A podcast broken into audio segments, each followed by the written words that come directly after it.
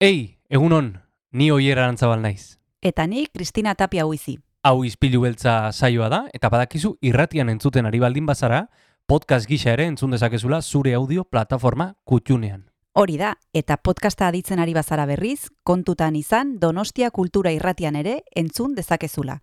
FM eundazazpi puntu lau frekuentzian. Sare sozialetan ere topatuko gaituzu noski, izpilu beltza bilatuta, Instagram, Facebook eta Twitterren. Besterik gabe, guazen gaurko saioarekin. Az gaitezen,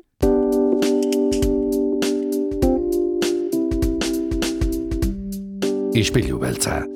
Donostiako kulturaren berri, Oyer Arantzabal eta Kristina Tapia buizirekin. Egun honen zule aprilak emeretzi ditu asteazkena da, eta hau izpilu beltza da. Donostia kultura irratia. Guazen.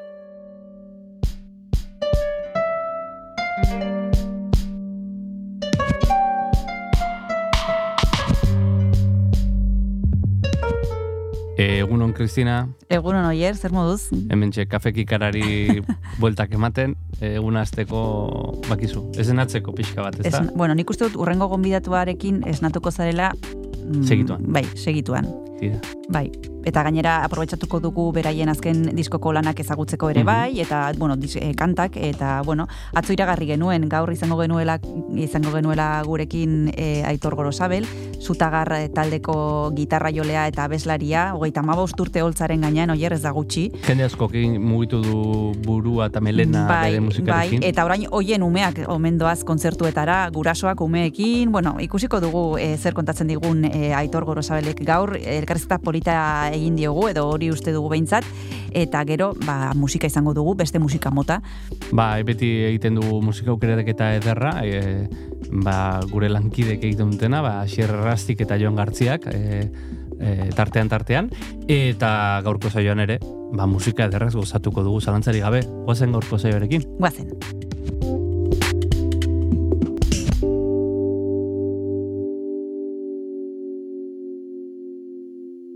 Egun honen zule, ongi etorri ispilu beltza irratxaiora, gaurkoan eh, badakizu, eh, egunero egunero egin ohi dugun moduan, bueno, egunero astelenetik ostiralera. ispilu beltza irratsaioa musikaz hasi eta musikaz agurtuko dugu eta gaurkoan, eh, bueno, ba, saioari hasiera emateko, belako talde mungiatarraren, bueno, bakantu bat aukeratu dugu. Hain zuzen, 2000 eta garren urtean, hemen izeneko bilduma sorta horretan, plazaratutako track 6 kantua. you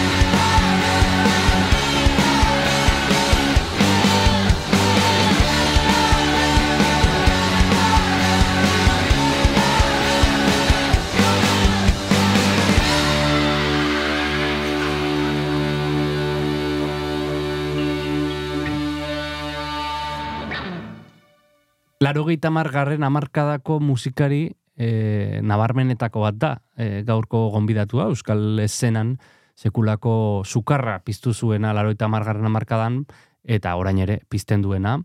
Eta jebia Euskaraz, eta inungo komplexuri gabe zabaldu zuena, zutagarrekin. Hmm. Bai, Aitor Gorosabel gombidatu dugu izpilu beltzara, azken lana aurkeztuko dute intxaurrondon, eta kontatuko digu nola izan den beraien ibilbidea, e, nostalgia ote duten e, garai hartakoa, edo Mhm. ez, eta bueno, elkarrezketa polita jarraian entzungo duzuena. Bueno, mm, punteoren bat ere ea entzuten dugun tartean tartean. Aitor Gorosabel, izpilu beltzean.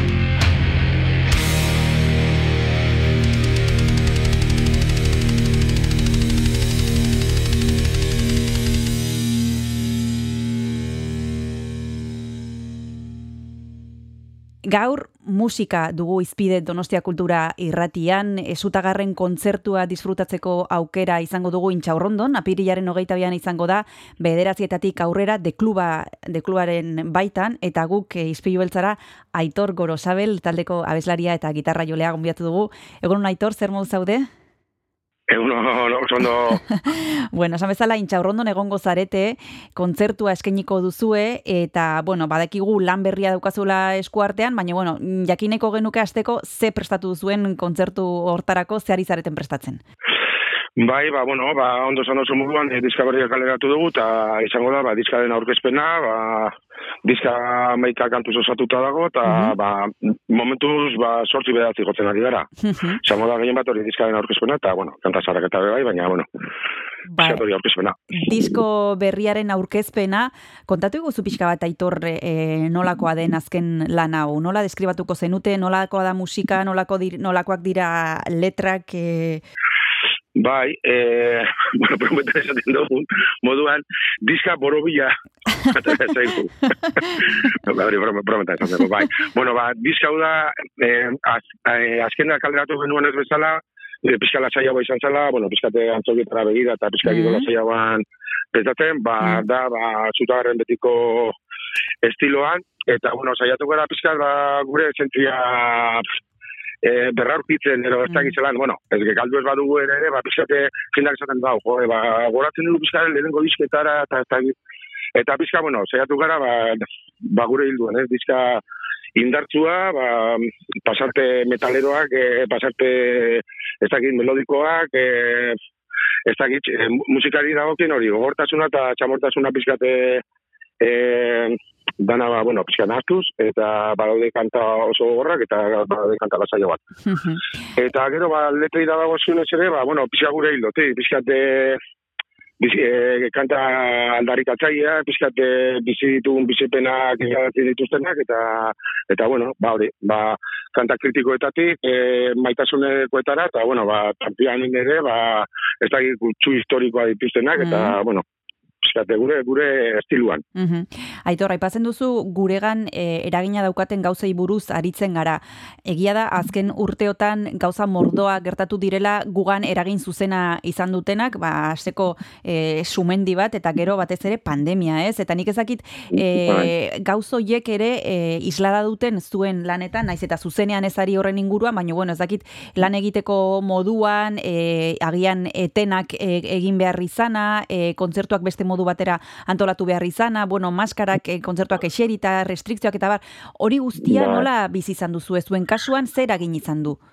Bai, hombre, nik uste gehien bat izan dela arlo pertsonalian. Nik uste dut de, denoi eragin digula horrek, ez? Niko, ez dakit, e, eten, e, pixkate ametsa raro bat bezala izan da, ez? Hmm. Eta, eta nik uste dut, e, hombre, batzuk normaltasun kakotzen artean normaltasunez jarraitu izan dute, baina lanean, baina, baina ez dakit, e, e, lan egin oinarrizko gauzetan aritu dianak ere, ez da pixkate arraro, eta gero, ba, ez da, kultura bezalako alorretan, ba, ez da e, guretzat izan da, eten izugarri bat, e, pandemiana, eta, eta bueno, e, jen, a, artista desberdinek, ba, igual, estrategia desberdinak erabili dituzte, ba, ez da ez kontzertuak eskainiz, e, e, jarrita, e, hori afono murriztua zegoenian da kontzertua jozen da, bueno, guk egin, egin izan duguna, bo, izan da, pixkat, e, ikusten egon, da pixkat, aber, e, ia pasatuko zan ikusten, da,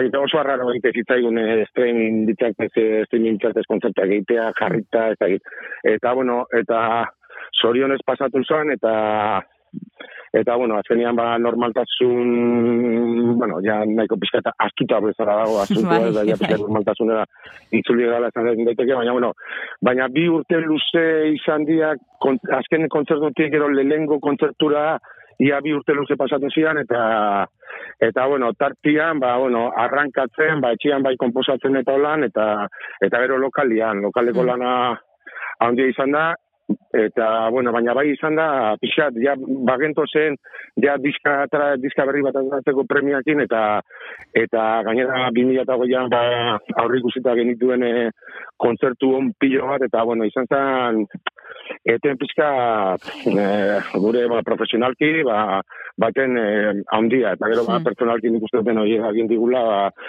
izan diala, e, zer ezetan bezala gelditu dian bi urte ez, bat batian e, danok bi urte zarragoak eta denbora pasatu ez ba, ezan moduan, momentuan ez eta luzea izan, ez? Bueno, Bai. tartetxo bat hartu behar dugu Aitor eta e, zuen abesti bat jarriko dugu jarraian azken e, diskokoa eta segituan itzuliko gara zurekin hitz egiten. Oso ondo.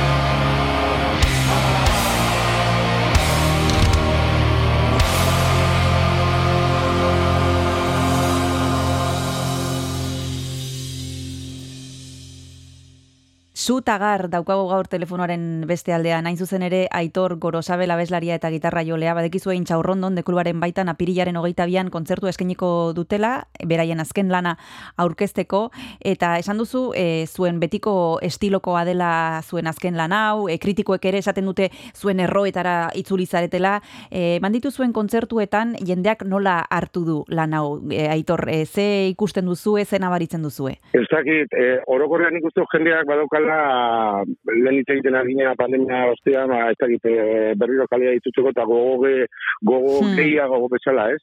Eta ez dakit Hmm. hori alde batetik orokorrean, baina gero ja zehazki Bai. gure lanan inguruan, da ez dakit, ni jendaren gandik somaten ari naiz, ba, zait, arrera oso nahi izan duela, jendari pilo bat gustatzen ari zaiola bizka bera, Eta, bueno, eman, ditu, eman ditugun kontzertuak, e, ez dakit, egia zen, e, guretzat izan dira sensazio oso ona kanta berriekin, ze askotan e, kontzertuan bertan kanta berriak e, aurkeztu arte, ez dakizu benetan e, kantak ez dute benetako bizia hartzen, ez? Naiz eta bizkan ja kaleratuta Claro. egon, da jendeak ez ganatu da ez izan, e, benetan zuzenean jo arte, ez dute izaera bat, edo ez dituzu bene-benetan sentitzen e, jendearekin hori eman horretan, ez? Eta, Hmm. eta bueno, egia esan, jotzen ari garan kanta guztiak, ez dakit, eh, gu behintzat, pila gozatzen ari garala, eta nik uste dut eh, jendearen eh, hori, eh, ba, nola dituen, ba, eta jendeak guztu hartzen ari gara, eta, bueno, eh, kontzertu bastak txingatuak eta moten ari gara, eta, eta, eh, fu- fuerte gotzen leike, jaki ba, nik izatea da, baina fuerte gauz, bai. Aipatu ditugu aitor e, erroak eta zuen betiko estiloa, e, zuk esan barkau bazenu zein da sutagarren e, selloa edo zein dira ezaguarri horiek e, bet inoiz ez direna kaldatzen? Bueno, eh, oinarrizkuak nik uste diala, ba, metala dala, ez metala dala, ero metala nahi dugun moduan eh, esan, gero euskera dala, eta gero, ba, bueno, eh, eh, aldarrikatzaia, ero, bueno, eh, norberan bizipenaren izlaga, ero, inguruaren eh, izlaga pixka dala, eta gero, ba, bueno, gero estiloari dagokienez, ba, hori, ba, saiatzen garala, ba, indarra eta sa- samurtasuna pizkatu zartzen, melodia eta eta dakit, hori ez dakit. Eta ze harreman duzue zuen hasierako abestiekin, ze aipatu duzu orain justo e, diskoa daukazuela eskuartean eta hori aurkezuko duzuela adibidez zeintxarrondoko kontzertuan, mm, batzuk abesti batzuk izango dira zarrak, e, baina abesti zarroiek egin zen dituzten momentu jakin batean e, eta egoera konkretu batean eta ezakit e, ze harremana izaten duzuen ba, abesti hoiekin ba, ezakit e, maite dituzuen, e, batzuk gorroto dituzuen, nola moldatzen Kanta Bai, Ba, kanta zarrak, eh, hombre, beti dago baten bat besteak baino gehiago gustatzen zaizuna zuri ere, baina, baina, ez dakit, baina, ez dakit, asko doa jendearen, jendearen hartzeko moduakin, ez? Ez dakit, lehen aipatzen Mhm. mm beran bizitza hartzen dute jendeari aurkeztuta bero, eta, eta ez dakit, eh, badakizu, e, kontzertuaren momentu batean e, kanta un jotzen baldin bauzu egongo dela, ez dakit, e, jendea e, kontzertu saltu dela gehiago, pero er, igual ez daukala alako gantxoa, ez, baina, baina, Mm. baina hori beti ongi etorri esaten da. Kanta zara daukaten e, indarra eta izaera, ez dakit, e, e, aspertu sekula, ez dakit, e, lo, lokalian askotan esatezu, jo, berriro joko kantua, baina gu lokalian kanta guztiak esaten dugu, txerrenda egiten dugunean, Mm. eh, naiz, eh, eh, ez da kantaren adinaren araberako zen izaten. Igual bar, Mm. berriak baldin badia, ba, igual eh, gehiago repikatzen dituzu, ba, ba berria Mm. dialako, eta igual eh, ez dituzulako hain barrenatuak, baina, baina, bueno, Mm, kanta berriak beti dia, ez dakite, erdeak eh, agradezidu esaten da moduan, ez? Egon ze kanta dian, Bai, badakizu jendeak bai. hartuko dituela gustora eta zuk ere kontzertuan momentu horiek bizi dituzu eh, be, ondela hogeita marrute bizi dituen bezala, ero igual, eh, ez dakit, eh, eh, maitasun gehiagokin esan dezagun. Eta kanta berriek balio dute publiko berria ekartzeko, Aitor? Eh, nik uste baiet, jo, e, ba, uste dute oso garrantzitsua dela, e, guraso asko e, egiten, guraso asko egiten ari dan lana, ez dakit, e, ez dakit guraso gaiti bakarrik lan, eh? baina, baina badago horre belaunaldi ezberdinetako presentzia gure kontzertuetan. e, zari, taroko kontzertuan e, goratzete gaztein jo genuen nian jimilatzen, pare parian neukala, ba, ez dakit, igual, amar urte e, zituen ikiko, mutiko bat, bere aitaren e, besoetan, era ulti bat aurrean jarri zen, ez dakit nola Ah, kontzertu guztia gozan, eta eta ar, arritzekoa da, e, aurrek nolako gaitasuna daukaten e, hitzak ikasteko. Denak e, zekizkie, hitzik guztiak, eta ez da lehenengo aurra ikusten dudana, e, kanta berriak, kanta zarrak, eta eta gero nerabea be ikuste ditut, eta eta gero Mhm. ba, hogei urte ingurutako jendia, gero ja e, adinen aurrera doazen gazteak ere, gurasoak, ez dakit, e, mhm. ez dakit, nik uste dut musikak ez daukala adinik, orduan, e, badaukat, be- begira, badaukate e, loiba bat, e, e, jartzen diozu musika guztia iren idesten duena, eta gure, ez dakit, eta, ez dakit, regetoia eta jartzen, regetoia eta gustatzen zaio pilo bat. Eta gure azkeneko diskatik, gustatzen zaio angrado heroismo, dala kanta oso, bueno, gogorra esan dezagun, ez, pixkate, belarritatik lehenengo entzutean, e, ez, ez, ez, erresa estana, ez, eta beratik egin gustatzen zaiona da, eta aurreko alditze gitarra hartuta eta jonion da letra guztia zegien, orduan ez dakit, ez Wow. horrek ez dauka adin, kanta gustatzen da, ero ez da gustatzen ez dakit. Mhm.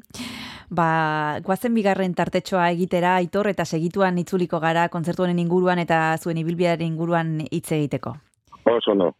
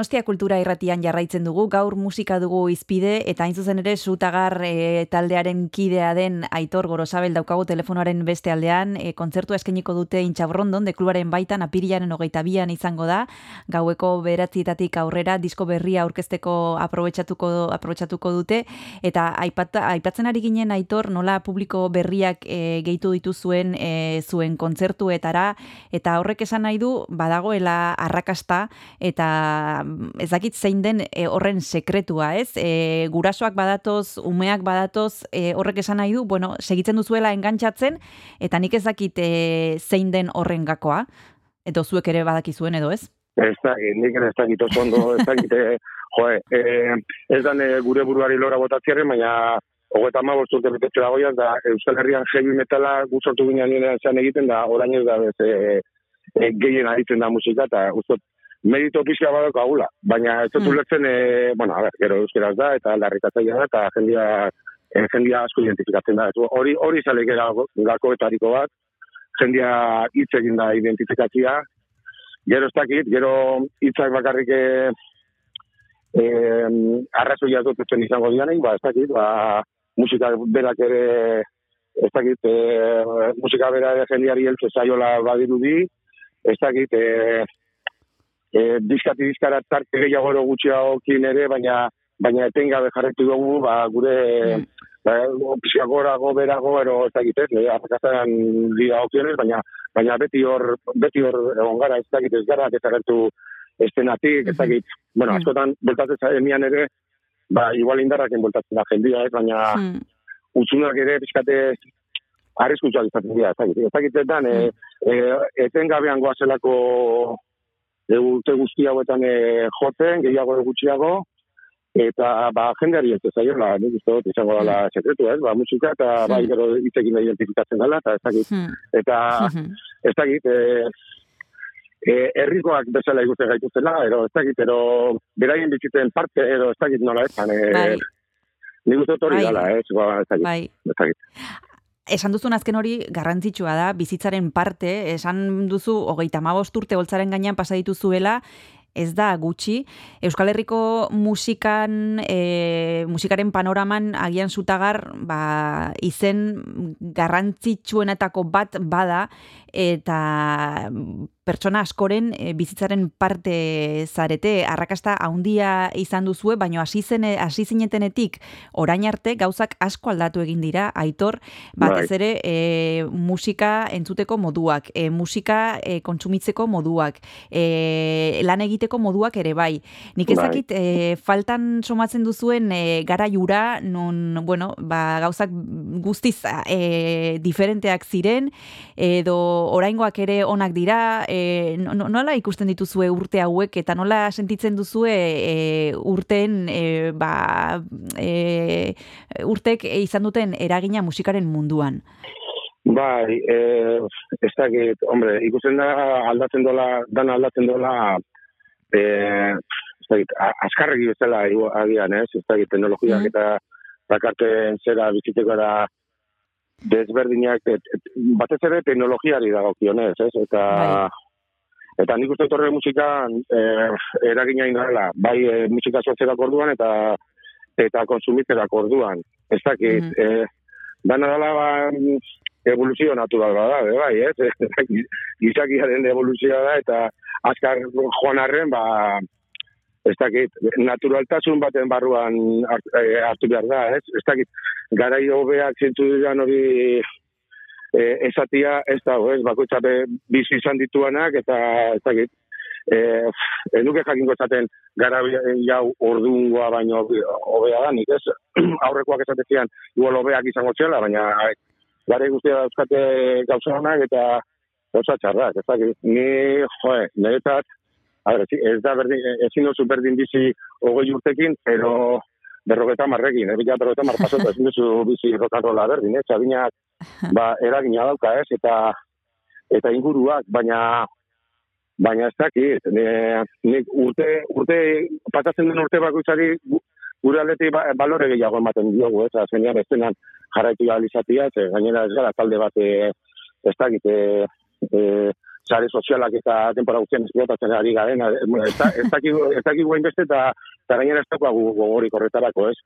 E, alde horretatik, niri gutxiago gustatzen zait, baina lehen zan, e, kalekoagoa bezala, baina, baina hori be bai kakotzen artean, ze, ze dakit, gazteria kaldean jarraitzen da, nahiz eta teknologia berriekin, gazteria indartu dator ere, orduan ez dakit, nik ez nuke esango, ez nuke jakingo esaten, e, garai hobea ero txarra dan. E, evoluzio bat egon dela, eta musikan horrek eragina daukala, eta orain e, modan dagoen e, musika igual, Euskal Herrian, ba igual, em, globalizazioaren zeri, e, zerikusi gehiago daukala, Hmm. orduan igual baizan kanpotik etorritako musika, baina punka eta jeria eta hor bat zeuan, Hmm. orain oso zabala da, baina hori ere ona, ona da, ez da, ez, ez, ez, ez, nuke jakingo, nik uste aberatza dela e, mota guztietako taldiak gotia, eta, eta nuke jakingo oso ondo nola gantzen.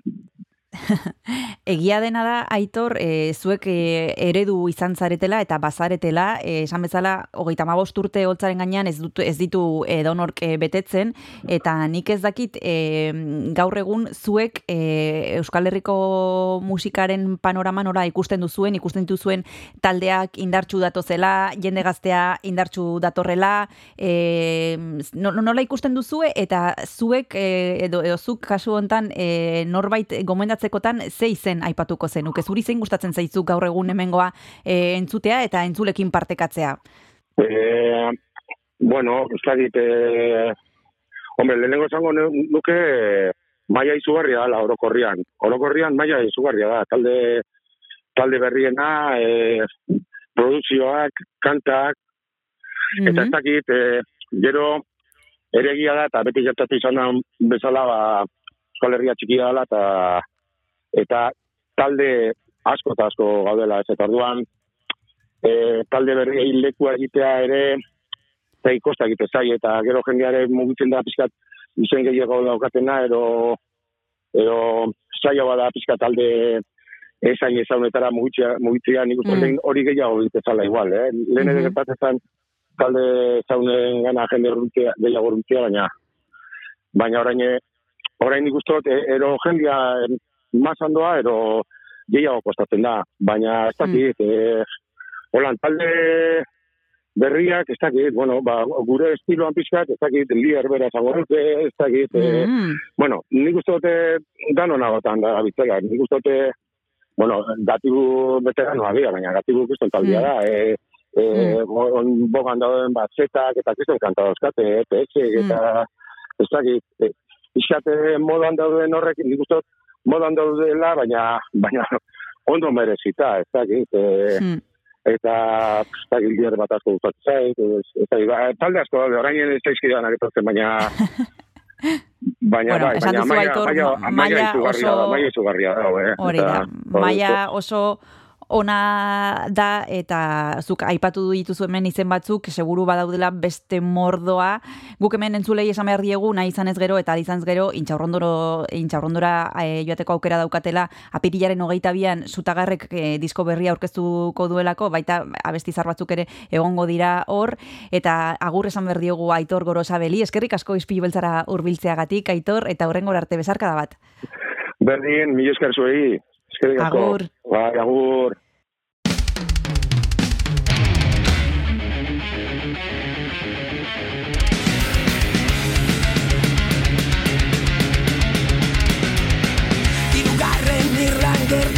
Zen baletria Espainiarra armada egurtu zutenekoa. Mila bosteun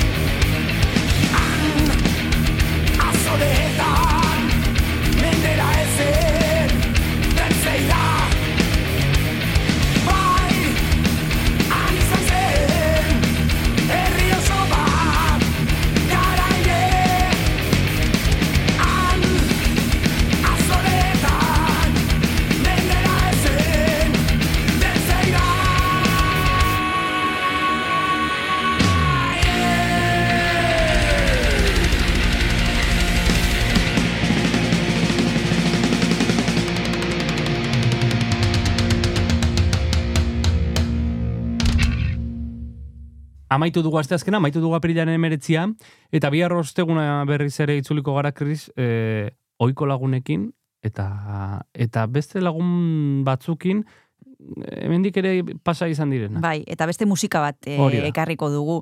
Marko Mezkida piano jolea ekarriko dugu izpilu beltzara. Berak eta Andrea Motisek kontzertua eskainiko dute apirilaren hogeita marrean izango da. E, jasaren eguna ospatzeko. Marko Mezkida donostiara maiz etortzen da. Izpilu beltzara ere etorri izan da. Oso pertsona jatorra. Eta gainera izango dugu gurekin beste pertsona jator bat, Josemi Beltran. Kristona. Bai, Kristona. eta izan ere ostegunero etortzen da. Eh? Bai, gure, Eta- gure bisitaria da ostegunero, eta beti zinema hitz egiten digu, beti ekartzen zizkigu eh, proposamen kuriosoak. Bueno, biharkoan ekarriko du e, giza eskubideen zinemaldia, Mhm. ze etzi hasiko da, hogeita batean, hogeita batetik hogeita zortzira, eta horren inguruan programa pixka bat e, kontatuko digu, eta hori, esan bezala, bihar izango da. hori bihar izango da, zinema zalea gara eta giza eskubiden e, jaialdia, zinemaren jaialdia jarraituko dugu nola ez. E, hori bihar izango da, esan duguna, gogoratu izpilu beltza, goizero goizero sintonizatu dezakezula FM undazazpi.lau frekuentzian, donostian eta inguruetan, eta tira, e, Donostia Kultura Irratia ere entzuten dela audio plataformetan. Bertan izpilu beltza bilatu eta topatuko gaituzu, nahi eran entzuteko nahi duzunean, nahi duzun lekuan eta nahi duzunarekin. Besterik ez? Bihar arte. Bihar arte, agur agur. Agur.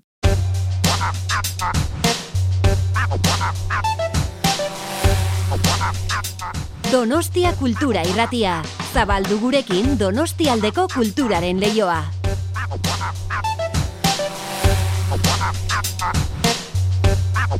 Oh.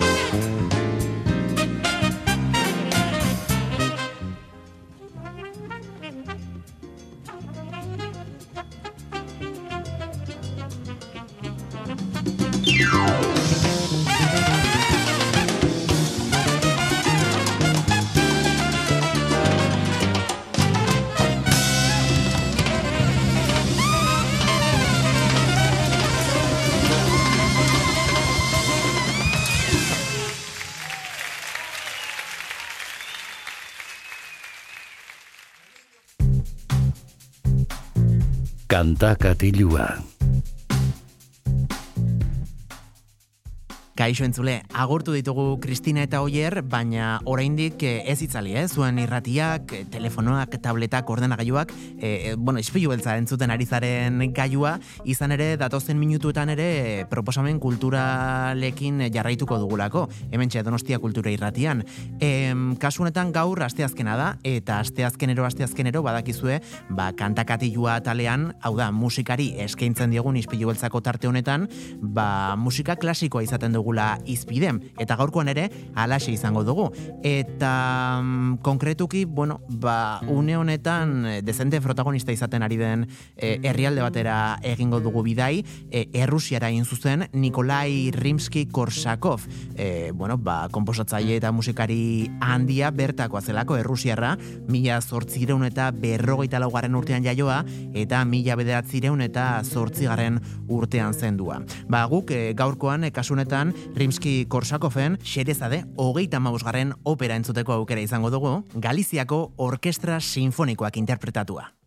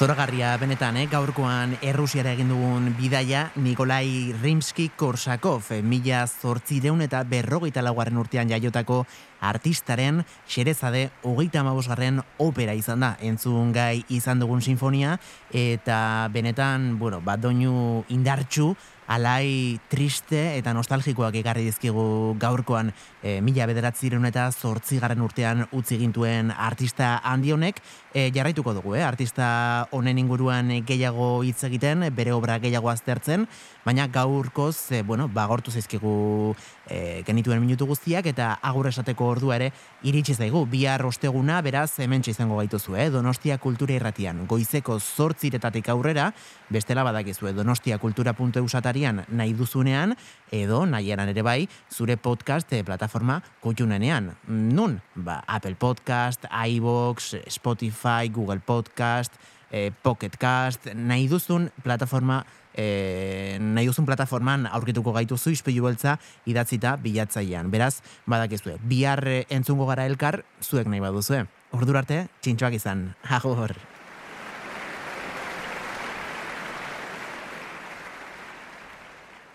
Ispilu beltza podcasta entzungai duzu irratia.donostiakultura.eus webgunean, Spotify, Apple Podcasten, Google Podcasten edo zure audio plataforma kutxunenean.